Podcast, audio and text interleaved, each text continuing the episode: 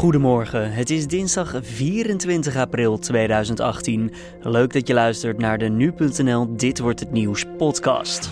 Mijn naam is Julian Dom en ik praat je deze ochtend bij over het nieuws van vandaag. Met daarin aandacht voor de afschaffing van de dividendbelasting. Het kabinet wilde over interne memo's eerder niets zeggen, maar waarom is onbekend. Mij is eigenlijk ook een raadsel waarom niet. Ik bedoel, uh, als daar gewoon documenten over zijn, maak ze dan openbaar. Verder spreken we ook over een alternatief voor dierproeven. Maar eerst kijken we kort terug naar het belangrijkste nieuws van afgelopen nacht. Tien mensen zijn om het leven gekomen nadat een busje op voetgangers inreed in de Canadese stad Toronto. He just went on the sidewalk. He just started hitting everybody, man. He hit every single person on the sidewalk. Anybody in his way he would hit. The bus stopped. Everything got shattered. There was a lady in there that I saw. I just stopped and I looked and I went after it again. All I see is just crumbling up.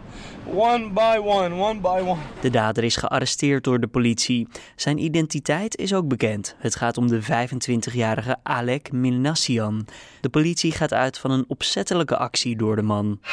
Voormalig wielrenner Karsten Kroon zou doping hebben gebruikt tijdens zijn carrière. Dat schrijft het AD op basis van gesprekken met Kroon. Het dopinggebruik kwam ter sprake toen er onderhandeld werd over een baan als analist voor video-items van de krant. Voordat hij zou beginnen als analist zou Kroon bekennen doping te hebben gebruikt, maar dat kwam er uiteindelijk nooit van. Daarop besloot het AD het nieuws alsnog naar buiten te brengen. Ook daar wilde Kroon niet op reageren volgens het AD. Translink stopt op 15 juni met een mobiele OV-chipproef. Daardoor is het vanaf die datum niet meer mogelijk om in te checken bij het OV met je mobiele telefoon.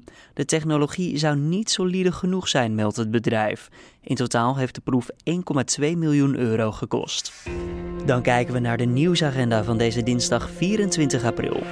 We gaan het hebben over de dividendbelasting. Gisteren liet premier Mark Rutte weten dat omstreden documenten over die belasting alsnog openbaar worden gemaakt. Collega Carné van der Brink belde met politiek verslaggever Avinash Biki en vroeg hem wat er nou allemaal gaande is rondom dit onderwerp. Ja, ik zou eigenlijk kunnen zeggen, wat is er nou alweer gaande over de dividendbelasting? Het is een maatregel die het kabinet uh, van Rutte nu al eigenlijk sinds het aantreden van het kabinet Rutte 3 achtervolgt.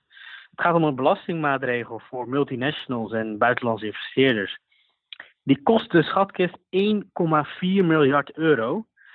En die wil, het, uh, wil de oppositie, die wil eigenlijk al sinds oktober, uh, november weten uh, hoe zij tot deze maatregel gekomen zijn. de afschaffing van dividendbelasting staat namelijk in geen enkel verkiezingsprogramma. Maar stond wel in het regeerakkoord. Opeens, nogmaals, het gaat om 1,4 miljard euro. En nou ja, goed, ze zijn eigenlijk al sinds het begin op zoek naar documenten hè, die dit, ja, dit besluit eigenlijk rechtvaardigen. Van waar komt dit besluit nou vandaan? Het kost ons 1,4 miljard, maar wat levert ons nou op? Uh, de hoofdonderhandelaars, dus Mark Rutte, Sibrand Buma van CDA, Pechtold van D66 en Segers van de ChristenUnie hebben de hele tijd gezegd: ja, dit is gewoon iets wat wij, waar wij in uh, geloven, of wij denken dat dit werkt. Dus bewijs hadden ze niet. Nou was uh, nou, uh, Jesse Klaver van GroenLinks, die heeft zelf ook geformeerd. Niet tot het kabinet gekomen, maar die wist een beetje hoe het werkte bij zo'n formatie. En hoe het werkt is namelijk dat er onderhandeld wordt over bepaalde thema's en daar vraag je dan documenten voor aan. Dus hij wist dat deze documenten er waarschijnlijk of hoogstwaarschijnlijk wel zouden zijn.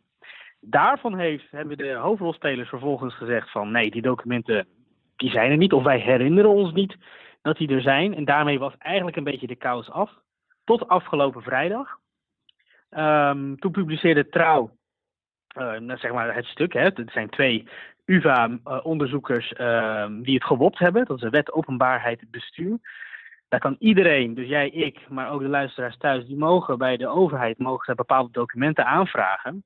Uh, om te kijken wat er nou in staat, hè? openbaarheid van bestuur. Nou, toen heeft Financiën gezegd, ehm, die zijn, ja, ze zijn er, de documenten zijn er, maar je krijgt ze niet te zien. Dus toen opeens, afgelopen vrijdag, bleek dat die memo's en documenten er kennelijk wel waren. Maar kunnen we dan echt, als we die memo's vandaag gaan ze dus openbaar worden, een deel daarvan, in ieder geval die er dus zijn, uh, kunnen we dan verwachten dat er echt argumenten in staan waarom dit een hele goede zet is? Of ja, eh, verwacht jij er iets anders van? Nou ja, je moet je het eigenlijk zo voorstellen, ze, ze waren dus aan het formeren. En dan wil je tot een besluit komen en dan wil je iemand uh, onafhankelijk uh, mee, het liefst hebben die jou vertelt wat zijn de voor's en wat zijn de tegens van deze maatregel. Met plaatjes doorgerekend. Dit levert het op, dit kost het voor de schatkist, dit betekent voor de werkgelegenheid, dit betekent het voor uh, investeringsklimaat. En ik verwacht dat dat dus in die documenten uh, komt te staan. En um, ja, dan, dan kan de oppositie, die kan, en wij ook trouwens ook, wij kunnen dan eindelijk weten van, oh, dit en dit uh, zullen de gevolgen zijn van de invoering daarvan. Daar zijn Um, ja, dat hebben ze eigenlijk nooit willen vertellen, die formerende partijen. Mij is eigenlijk ook een raadsel waarom niet. Ik bedoel, uh, als daar gewoon documenten over zijn, maak ze dan openbaar.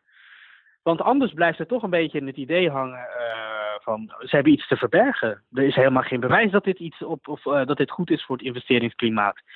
Um, dus ik denk ook wel dat ze daarom besloten hebben om, om het openbaar te maken. En als, als we nou eenmaal weten van wat er nou in staat of, of wat niet, dan uh, is dat een discussie apart. Maar uh, een andere discussie is toch ook wel een beetje van waarom heeft het in godsnaam zover moeten komen? Ja, want, wat, oh ja, want dit gaat natuurlijk ook schadelijk zijn voor de geloofwaardigheid van kabinet Rutte 3. Of zal dat het niet zijn? Nou ja, dat zou je wel kunnen zeggen, ja. Uh, dat de geloofwaardigheid uh, opnieuw op het spel staat. Want het gaat erom, ze hebben heel lang volgehouden dat die memos er niet waren of ze herinnerden zich het niet. En dan opeens, als dan uh, Trouw uh, zo'n WOP-verzoek naar buiten brengt, en ze zijn er wel, dan herinnert opeens Wouter Koolmees van D66-minister en uh, ChristenUnie-minister Carola Schouten, van, die zelf ook hebben mee onderhandeld, die herinneren opeens van, oh ja, die memo's zijn er wel. Maar de hoofdonderhandelaars, dus de partijleiders, die hebben dat niet gezien. En er komt nog eens bij de publicatie van gisteren van Wiebes. Die zei dus vrijdag, ja, ik ken die documenten niet. En toen bracht de Telegraaf maandag, ja, hij kende die documenten wel. Dus dat is ontzettend schadelijk voor die hele club. Voor het kabinet, maar ook voor de VVD, CDA, D66 en de ChristenUnie zelf. Um, laat staan premier Rutte. Uh, het, is, het is heel moeilijk te geloven dat hij zo'n belangrijke maatregel, dat hij daar geen documenten over heeft opgevraagd. En um, ja, op zijn minst even heeft ingezien en de plaatjes uh, uh, heeft laten doorberekenen en op basis daarvan een besluit heeft genomen. Dus ja, die, die vraag die blijft ook nadat het gepubliceerd wordt boven de markt hangen. En uh, ja, dat is toch wel een vraag uh, waar nog een antwoord op moet komen. Van hebben ze, klopt het nou echt dat zij dit besluit, 1,4 miljard, genomen hebben zonder gekeken te hebben naar wat de effecten daarvan zijn. Je hoorde politiek verslaggever Avinash Biki. Deze week zal er ook een debat plaatsvinden over dit onderwerp. En alles over de openbare documenten lees je uiteraard op nu.nl. Het is vandaag Wereldproefdierendag. Op deze dag wordt internationaal geprotesteerd tegen het gebruik van proefdieren. Er zijn inmiddels al alternatieven voor het gebruik van de dieren. Eén bedrijf dat werkt aan zo'n alternatief is Mimetas. Ze maken miniatuur orgaanmodellen. Deze kunnen gebruikt worden om een middel te testen en zodoende zijn er geen dieren meer nodig bij dat proces. De technologie zou ook nog eens goedkoper zijn dan het gebruik van proefdieren. Hoe dat zit, dat vroeg collega Carné van der Brink aan directeur van Mimetas, Jos Joren. Ja, dat, dat, kijk, proefdieren zijn eigenlijk gewoon hartstikke duur. Dus, dus zelfs als je nog iets relatief kleins neemt, een muisje bijvoorbeeld, heel veel gebruikt wordt in het lab, uh, dan praat je er gauw over 100 of 150 euro voor het muisje alleen. Maar ja, dan moet hij nog in een kootje worden gehouden. Er moet natuurlijk uh, er moet, er moet goed op gelet worden. Die beesten moeten eten krijgen. Je moet ze blootstellen aan, aan je moet dus geneesmiddelen geven. Nou, dat is allemaal werk. Mm-hmm. En daarna moet je ook nog gaan analyseren wat er met dat, met dat diertje gebeurt. En ja, dat is alles bij elkaar gewoon hartstikke ingewikkeld. Waardoor het vaak al zo is dat je 500, 1000 of 1500 euro kwijt bent.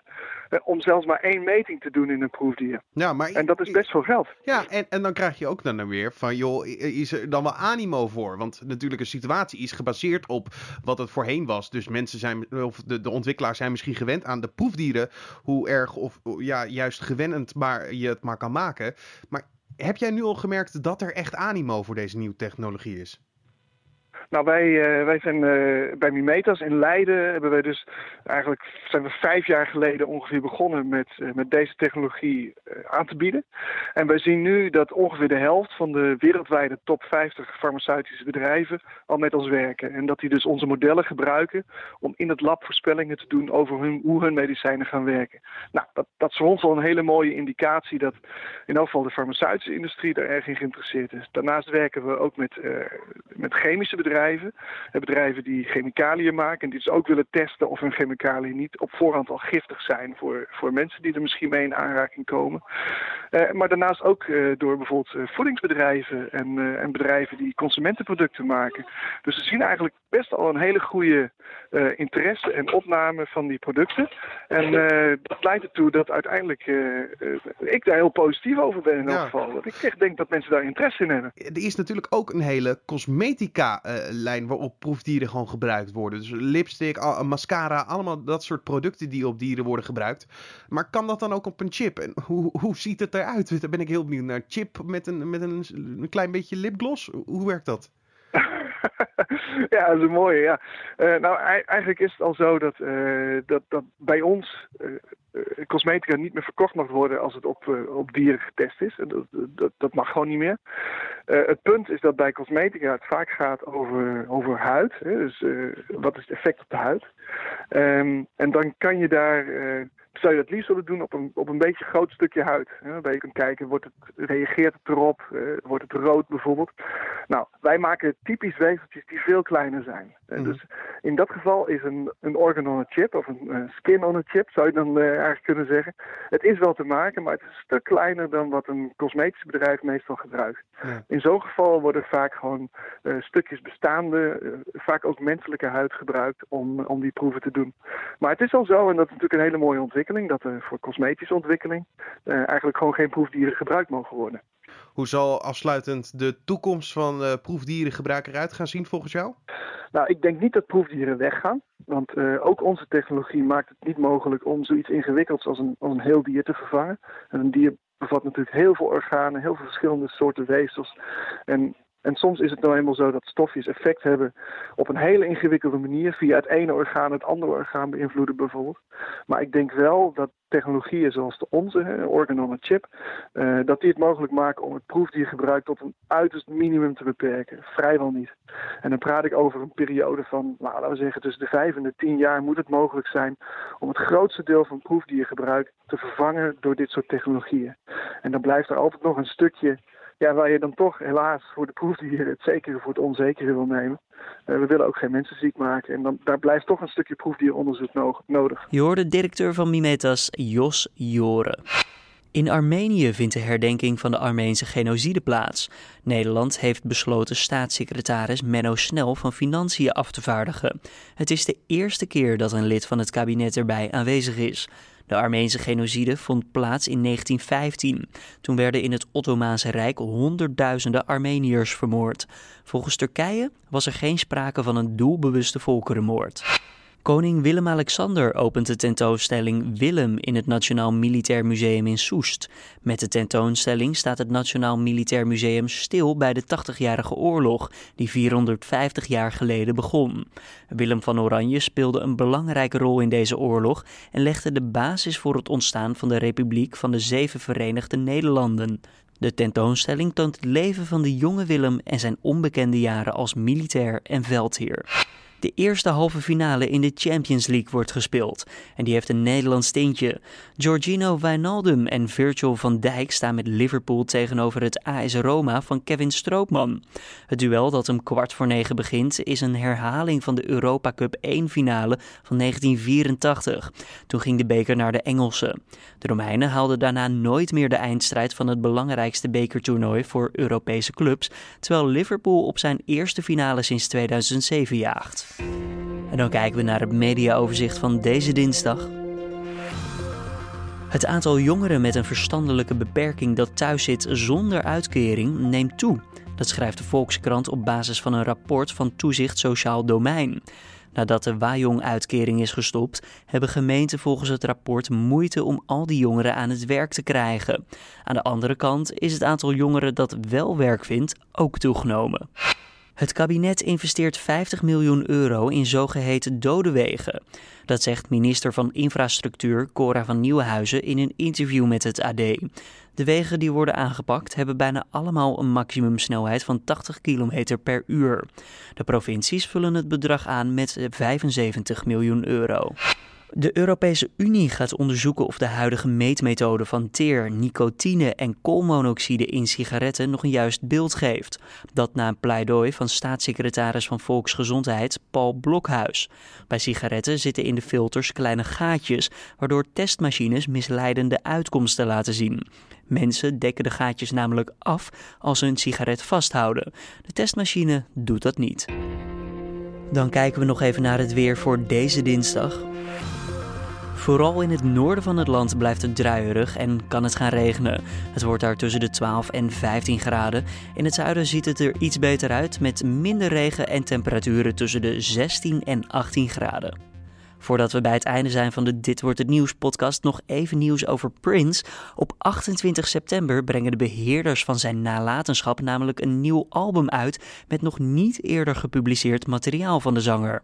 Na lang onderzoek hebben de beheerders besloten dat ze deze muziek wel moeten delen met de fans. Prince overleed op 21 april 2016, alweer twee jaar geleden. Dit was dan de Dit wordt het nieuws podcast van deze dinsdag 24 april. Je vindt de podcast maandag tot en met vrijdag om 6 uur ochtends op nu.nl.